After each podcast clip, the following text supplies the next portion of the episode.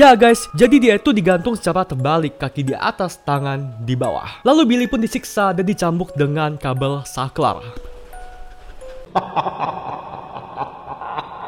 Hai, I'm Tiffan. Hello, welcome back to my channel. So guys, malam ini kita akan ngebahas tentang sebuah kasus yang udah terjadi lama banget. Ya guys, bisa dikatakan kalau dia adalah seorang pembunuh berantai yang paling muda di Amerika. Dan seperti biasa, sebelum kita mulai, please klik subscribe dan tanda lonceng sebagai support kamu ke aku agar aku lebih semangat lagi untuk bikin video kualitas dan menghibur. Kalau sudah, kita mulai. Satu, dua, tiga. Dan guys, seperti biasa sebelum kita bahas kasus ini lebih lanjut, kita bahas dulu siapa sih pembunuh berantai yang sangat muda ini. Jadi pembunuh ini itu bernama Jess Pomeroy yang lahir pada tanggal 29 November 1859. Oh ya guys, kalau misalnya kamu dengar kayak ada suara gerimis-gerimis, mentik-mentik kecil di luar, tuh sorry banget soalnya pas lagi hujan sekarang, oke? Okay? Ya walaupun sedang hujan, aku akan tetap bikin video ini untuk kamu semua. Oke, okay. ia lahir di Charlestown, Massachusetts, Amerika Serikat. Ayahnya bernama Thomas J. Pomeroy dan ibunya itu bernama Ruth Ann Snowman. Ya guys, ayahnya si Thomas itu adalah seorang veteran perang sipil di Amerika Serikat di tahun 1835 sampai 1898. Dan sementara ibunya adalah seorang penjahit. Kemudian si Jess juga memiliki kakak laki-laki yang usianya 2 tahun lebih besar daripada dia, yang bernama Charles Jefferson Pomeroy. Nah guys, waktu si Jess belajar remaja di sekolah sekolahnya tampaknya dia tuh nggak bahagia di sekolah. Itu karena dia sering mendapatkan perlakuan kasar dari teman-temannya. Dibully gitu itu karena dia tuh memiliki mata yang putih gitu kayak katarak. Udah itu si Jess juga memiliki kepala yang cukup besar. Tapi biasanya itu kan kalau orang yang punya kepala besar kayak Albert Einstein itu adalah orang yang jenius. Tapi lain halnya dengan si Jess dia tuh malah nggak jenius. Malah bisa dibilang maaf agak kurang. Sehingga ini membuat dia itu berbeda dari teman-teman yang lain. Dan ya dia pun dibully lah di sekolah tersebut otomatis ini membuat dia itu jadi orang yang gak percaya diri sehingga kalau ke mana-mana dia itu selalu memegang tangan ibunya. Karena dia percaya kalau dia pegang tangan ibunya, ibunya itu kayak akan selalu ngelindungin dia kayak malaikat gitu. Agak lebay sih. Lalu si Ruth, ibunya si Jess itu juga sering mengatakan kepada Jess kalau kamu itu adalah anak yang tampan. Tapi si Jess ngerasa ibunya ini bohong karena ya buktinya aja teman-temannya si Jess di sekolah itu sering ngebully Jess itu karena dia ngerasa kalau dia itu nggak rupawan. Ya yang namanya ibu, ibu sendiri ya pastilah sejelek apa pun anaknya pasti dibela. Jadi teman-teman yang ngebully si Jess ini juga emang parah banget, bangke banget. Mereka tuh ngebully kayak dilempar gitu pakai sepatu ke si Jess. Sampai-sampai kadang itu sampai membuat si Jess menangis. Ya, Ruth mungkin memang ibu yang baik, bak malaikat, tapi tidak dengan ayahnya. Jadi ayahnya itu itu adalah orang yang keras banget secara dia itu kan mantan tentara ya, dan dia itu juga adalah seorang pemabuk berat. Jadi hampir tiap hari dia itu selalu kerjanya mabuk-mabukan, minum alkohol, dan dia membuat si ayahnya ini itu gampang emosian. Misalnya aja ketika si Jess dan saudaranya itu lagi kayak kayak nakal gitu, ayah mereka Charles itu akan memukul mereka sampai berdarah dengan kabel dan sebelum dipukul mereka itu ditelanjangin terlebih dahulu. Nah, karena penyiksaan inilah yang kemungkinan besar memicu si Jess menjadi monster di kemudian hari dan menyiksa cukup banyak anak-anak dan sampai juga di kemudian hari itu membuat dia mengarah ke seks yang menyimpang.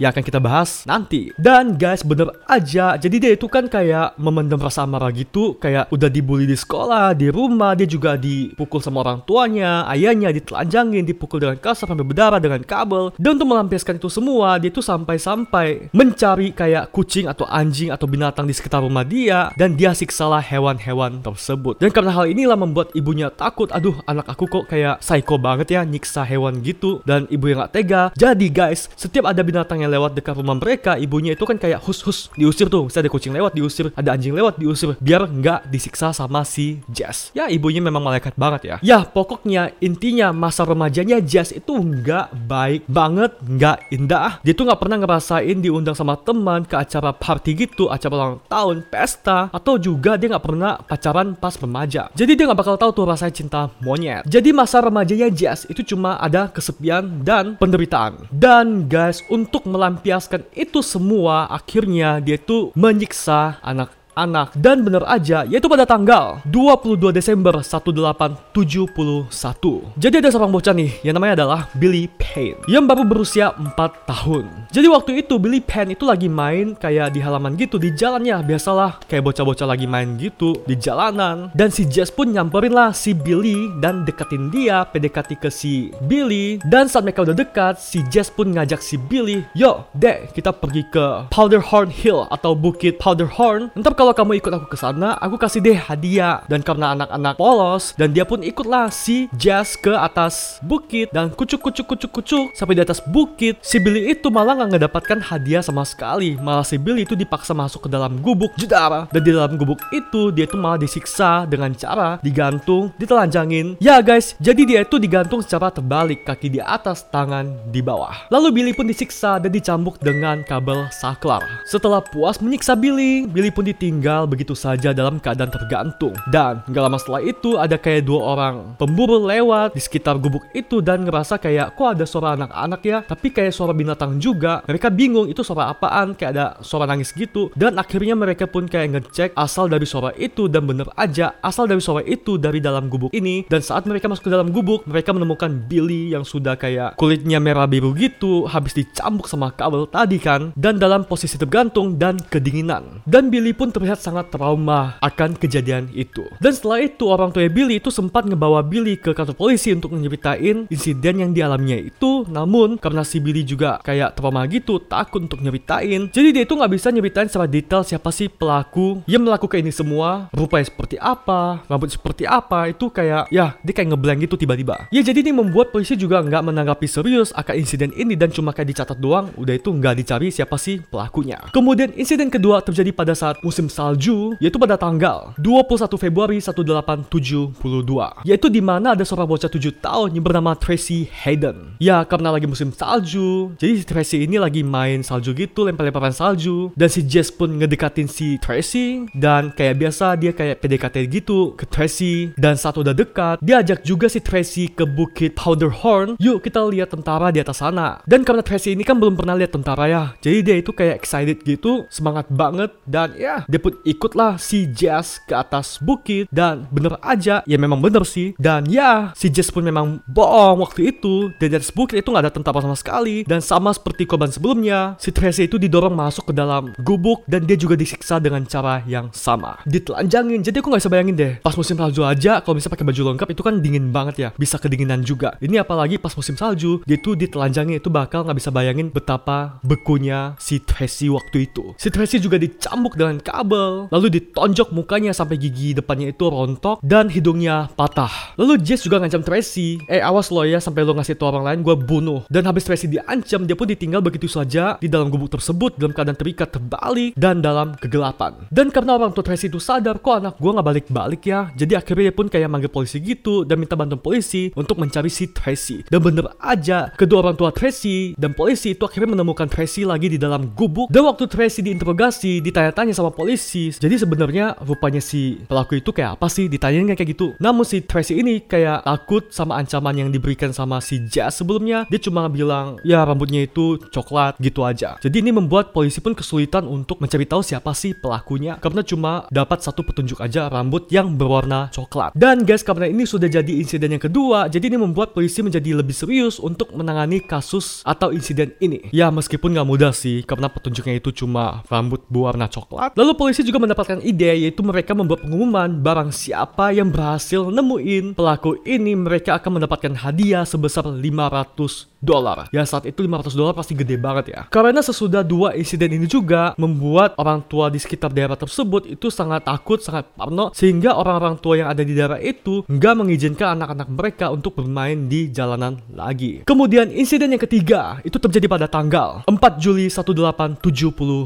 Kali ini korbannya bernama Johnny Balch yang berusia 7 tahun sama seperti korban sebelumnya dia itu dibawa masuk ke dalam gubuk, ditelanjangin dan dicambuk dengan kabel. Namun kali ini beda nih. Jadi waktu dia ngenyambuk atau ngenyiksa si Johnny, dia tuh sambil memainkan alat kelaminnya. Yang menurut aku sih si Jess ini itu ada BDSM BDSM-nya. Kalau misalnya kamu nggak tahu apa itu BDSM, jadi BDSM itu adalah singkatan dari bondage, dominance, sadism, dan masochism. Ya, intinya BDSM adalah praktek seks sadis yang dilakukan kepada pasangan. Nah, praktek itu sendiri itu biasanya bakal ada yang jadi kayak master gitu dan bakal ada yang jadi bondage. Jadi master itu kayak yang nyiksa gitu, udah bondage itu yang disiksa dan prakteknya itu sendiri biasanya mereka akan menyiksa itu dengan kayak ya kayak yang si Jess lakukan. Si master akan ngerantai bondage-nya lalu disiksa gitu sampai mereka mencapai kepuasan. Dan di sini itu Jess jadi masternya gitu dan korban-korbannya adalah bondage-nya si Jess. Oke kita balik lagi ke cerita si Johnny. Dan setelah Johnny disiksa dia pun membawa Johnny ke sungai air asin. Dan dia memaksa Johnny untuk menyuci lukanya yang sudah lebam-lebam semua yang udah parah banget itu dengan air asin guys. Lu bisa bayangin gak sih luka kena air garam gitu itu kan pasti perih banget apalagi si Johnny masih kayak anak-anak gitu. Bisa dibilang masih balita ya. Jadi itu bener-bener kejam banget. Dan sama seperti korban sebelumnya Jess pun juga mengancam ke si Johnny. Awas lo ya kalau misalnya lo sampai kasih tau orang lain gue bunuh lo. Hmm. ya namun Johnny itu bukan anak penakut. Setelah si Jess pergi Johnny pun ngelaporin apa yang ia alami kepada polisi. Kemudian insiden keempat itu terjadi pada bulan September 1872 korbannya itu bernama Robert Gold. Dan seperti biasa saat si Robert ini lagi main di jalanan si Jess pun deketin lah si Robert dan PDKT-in di situ. Dan setelah Jess ngerasa kalau si Robert ini sudah kayak deket banget nih sama dia Jess pun ajak Robert ke suatu tempat namun nggak ke gubuk yang ada di atas bukit. Dia malah ajak si Robert pergi ke jalur kereta api Hartford and Erie. Dan saat sampai di situ Robert diikat ke tiang telegraf ditelanjangin digebukin. Lalu muka si Robert itu juga disayat-sayat sama si Jess dengan pisau. Seperti biasa setelah si Jess puas menyiksa korbannya menyiksa si Robert dia pun meninggalkan Robert begitu saja di tiang dan keadaan terikat. Dan lama setelah itu Robert pun ditemukan sama polisi. Namun kali ini Robert berhasil memberikan petunjuk lain kepada pihak kepolisian yaitu dia mengatakan kalau Jess ini memiliki mata yang putih gitu. Ya secara kan si Jess punya katarak. Ya akhirnya polisi mendapatkan dua petunjuk dari pelaku yaitu adalah rambut yang berwarna coklat dan mata yang katarak berwarna putih. Lalu korban yang kelima itu bernama Harry Austin. Juga mendapatkan siksaan yang kurang lebih sama oleh Jess cuma bedanya ini si Harry itu sampai ditikam sama si Jess sampai membuat Harry pingsan walaupun gak sampai meninggal sih. Lalu korban yang keenam bernama George Pratt juga disiksa seperti itu tapi di dalam kabin kapal pesiar. Cuma beda tempatnya doang nih cara nyiksanya sama semua kurang lebih. Digantung dengan tali terbalik lalu dicambuk pakai kabel sampai babak belur. Terus korban yang ketujuh itu bernama Joe Kennedy. Yang berumur 7 tahun juga disiksa dengan cara yang sama seperti korban sebelumnya. Tapi beda tempat juga si Joe ini itu disiksa di rawa-rawa dekat teluk Boston Selatan sampai akhirnya kecurigaan terhadap Jess itu terjadi pada tanggal 21 September 1872 jadi sialnya waktu itu kan si Jess baru pulang nih dari sekolah. Dan dia kucuk-kucuk-kucuk lewatlah dia depan kantor polisi. Dan pas banget itu depan kantor polisi ada salah satu korban si Jess. Waktu itu dia siksa anak-anak. Dan pas dia sadar wah itu ada korban yang waktu itu aku siksa. Dia pun kayak mau kabur gitu. Tapi belum sempat si Jess kabur dari kantor polisi tersebut. Dari depan kantor polisi itu si korban itu yang pernah disiksa sama si Jess itu kayak ah bukannya itu kayak orang yang nyiksa gue. Dan dia pun langsung spontan kasih tahu ke polisi pak polisi pak polisi itu orang yang nyiksa aku waktu itu. Itu pelakunya itu pelakunya. Dan alhasil ini membuat si polisi pun langsung gercep nangkep si Jazz dan dibawa ke kantor polisi dan diinterogasi. Kena deh lu. Ya awalnya si Jazz waktu diinterogasi ditanyain bener nggak lo yang nyiksa semua anak-anak ini? Si Jazz ini kayak pasang muka polos gitu nggak mau ngaku. Sampai pada satu titik polisi pun sudah kayak sebel banget dan polisi pun kayak bohong gitu dan bilang ke si Jazz lu ya kalau misalnya nggak mau ngaku lu bakal dikurung 100 tahun. Dan ini membuat si Jazz ya kaget takut gitu. Dan akhirnya Jess pun mengaku kalau dialah orang yang menyiksa mereka. Dan kemudian Jess pun diadili di pengadilan. Namun karena si Jess ini kan masih kayak remaja gitu ya masih di bawah umur dia tuh nggak bisa dimasukkan ke dalam penjara dan dihukum secara hukum di dalam penjara. Jadi Jess ini malah dimasukkan ke dalam sekolah reformasi di West Grove jadi sekolah ini itu adalah sekolah khusus untuk kayak anak-anak yang melakukan kenakalan remaja kayak si Jess gitu ya. dia pun masuk ke sekolah itu. Dan di sekolah itu lagi-lagi dia mendapatkan bulian dari teman-teman dia yang ada di situ sama seperti halnya waktu dia sekolah dulu. Ya. Namun setelah satu setengah tahun dia pun dibebaskan karena pihak sekolah yang ada di sana itu ngerasa kayak hmm kayaknya si Jess sudah tobat sudah jauh lebih baik kan dan mungkin dia nggak akan melakukan kejahatan lagi. Ya dia pun bebas setelah satu setengah tahun itu. Tapi pihak sekolah itu kayak kasih tahu ke ibunya si Ruf kalau Ruf itu harus kayak berani jamin kalau si Jess nggak bakal ngelakuin penyiksaan kepada anak-anak lagi dan si Ruf kayak ya oke okay, oke okay. pokoknya anak aku nggak bakal gitu lagi aku yakin anak aku si Jess sudah tobat nanti pokoknya si Jess aku akan suruh dia kerja di toko aku deh biar bisa aku awasin 24 jam pokoknya si Jess nggak bakal nyiksa anak-anak lagi deh. Dia yakinkan itu kepada pihak sekolah. Dan ya mereka pun oke, dia pun bebas. Dan ternyata nggak semudah itu. Jadi suatu hari itu kan ada kayak anak cewek gitu datang ke toko ibunya. Jadi anak cewek ini itu bernama Katie Curran. Yang umurnya itu baru 10 tahun.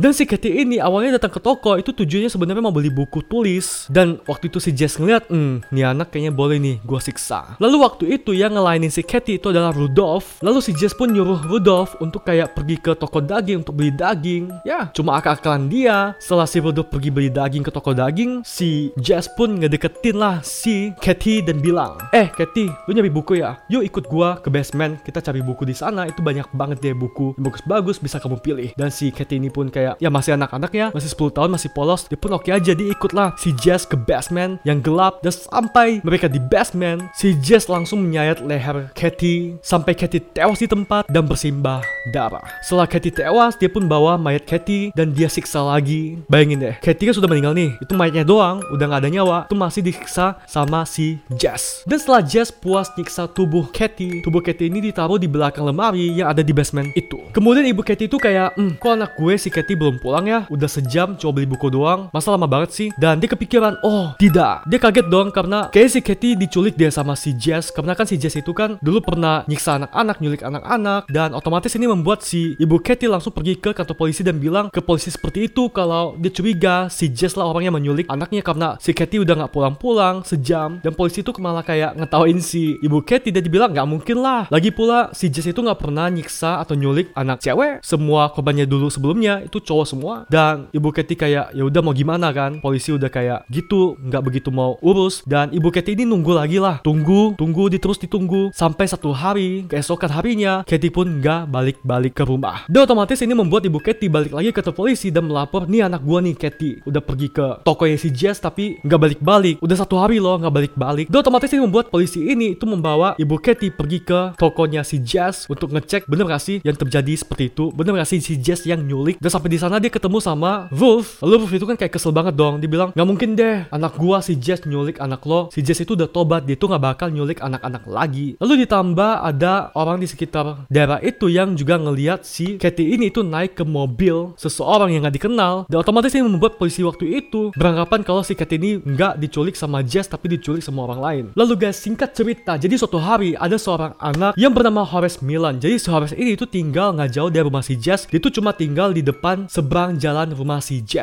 Horace berusia 4 tahun. Jadi waktu itu kan si Horace lagi kayak mau pergi ke toko roti gitu beli roti. Ya iyalah beli roti masa beli sepatu sih. Nah si Jess pun ngeliat si Horace dan dia deketin lah seperti biasa. Kayak dia deketin anak-anak dan saat mereka itu ngobrol sudah dekat si Jess itu ngerasa kayak wah ini anak udah dekat banget sama gua udah percaya sama gua nih. Si Jess pun ajak si Horace untuk pergi ke pantai di dekat daerah itu untuk melihat burung camar. Ya, mereka pun kucuk-kucuk-kucuk pergi ke pantai dan lihat burung camar dan saat mereka lihat si Jess kayak melingkari tangannya ke leher si Horace dan bener aja dia langsung menyayat leher Horace dan menikamnya sampai Horace itu meninggal dan dia masih sempat menyiksa tubuh Horace yang sudah tidak bernyawa. Oh. Kemudian 5 jam setelah itu tubuh Horace ditemukan sama dua orang bersaudara dan ya polisi pun langsung menangkap si Jess karena banyak banget yang ngeliat kalau Horace ini itu jalan gandengan tangan dengan Jess ke pantai sebelum Horace ditemukan meninggal. Dan otomatis ini membuat Jess menjadi tersangka utama atas kasus pembunuhan ini dan dia pun menjalani hukuman di penjara Charlestown seumur hidup. Jadi guys, selama dia di penjara, dia itu cuma boleh dikunjungi satu orang dalam sebulan. Ya, tidak lain tidak bukan adalah ibunya sendiri. Dan pada tanggal 29 September 1932, dia pun meninggal. Di usianya yang ke-73 tahun, setelah ia menjalani masa penjara 58 tahun. So guys, menurut kamu gimana dari cerita yang baru saja kita bahas ini? Apakah serem banget atau biasa aja? Terus beri kamu di kamu di kolom komentar yang di bawah biar sama-sama kita diskusikan. Ya, menurut aku kalau misalnya kita punya anak lebih bagus itu kayak nggak usah deh dikasih main di jalan raya gitu. Karena nggak mau kan kalau misalnya anak kamu lagi main di jalan raya didekati sama orang yang dikenal lalu disiksa atau dibunuh kayak apa yang Jess lakukan kepada anak-anak itu. Atau kalau misalnya kamu mau anak kamu itu kayak main di jalanan itu kayak lebih jagain gitu deh. Dan sekian dulu video hari ini. Please klik subscribe dan tanda lonceng untuk mendapatkan notifikasi video terbaru. Dan sampai ketemu di video selanjutnya. Bye.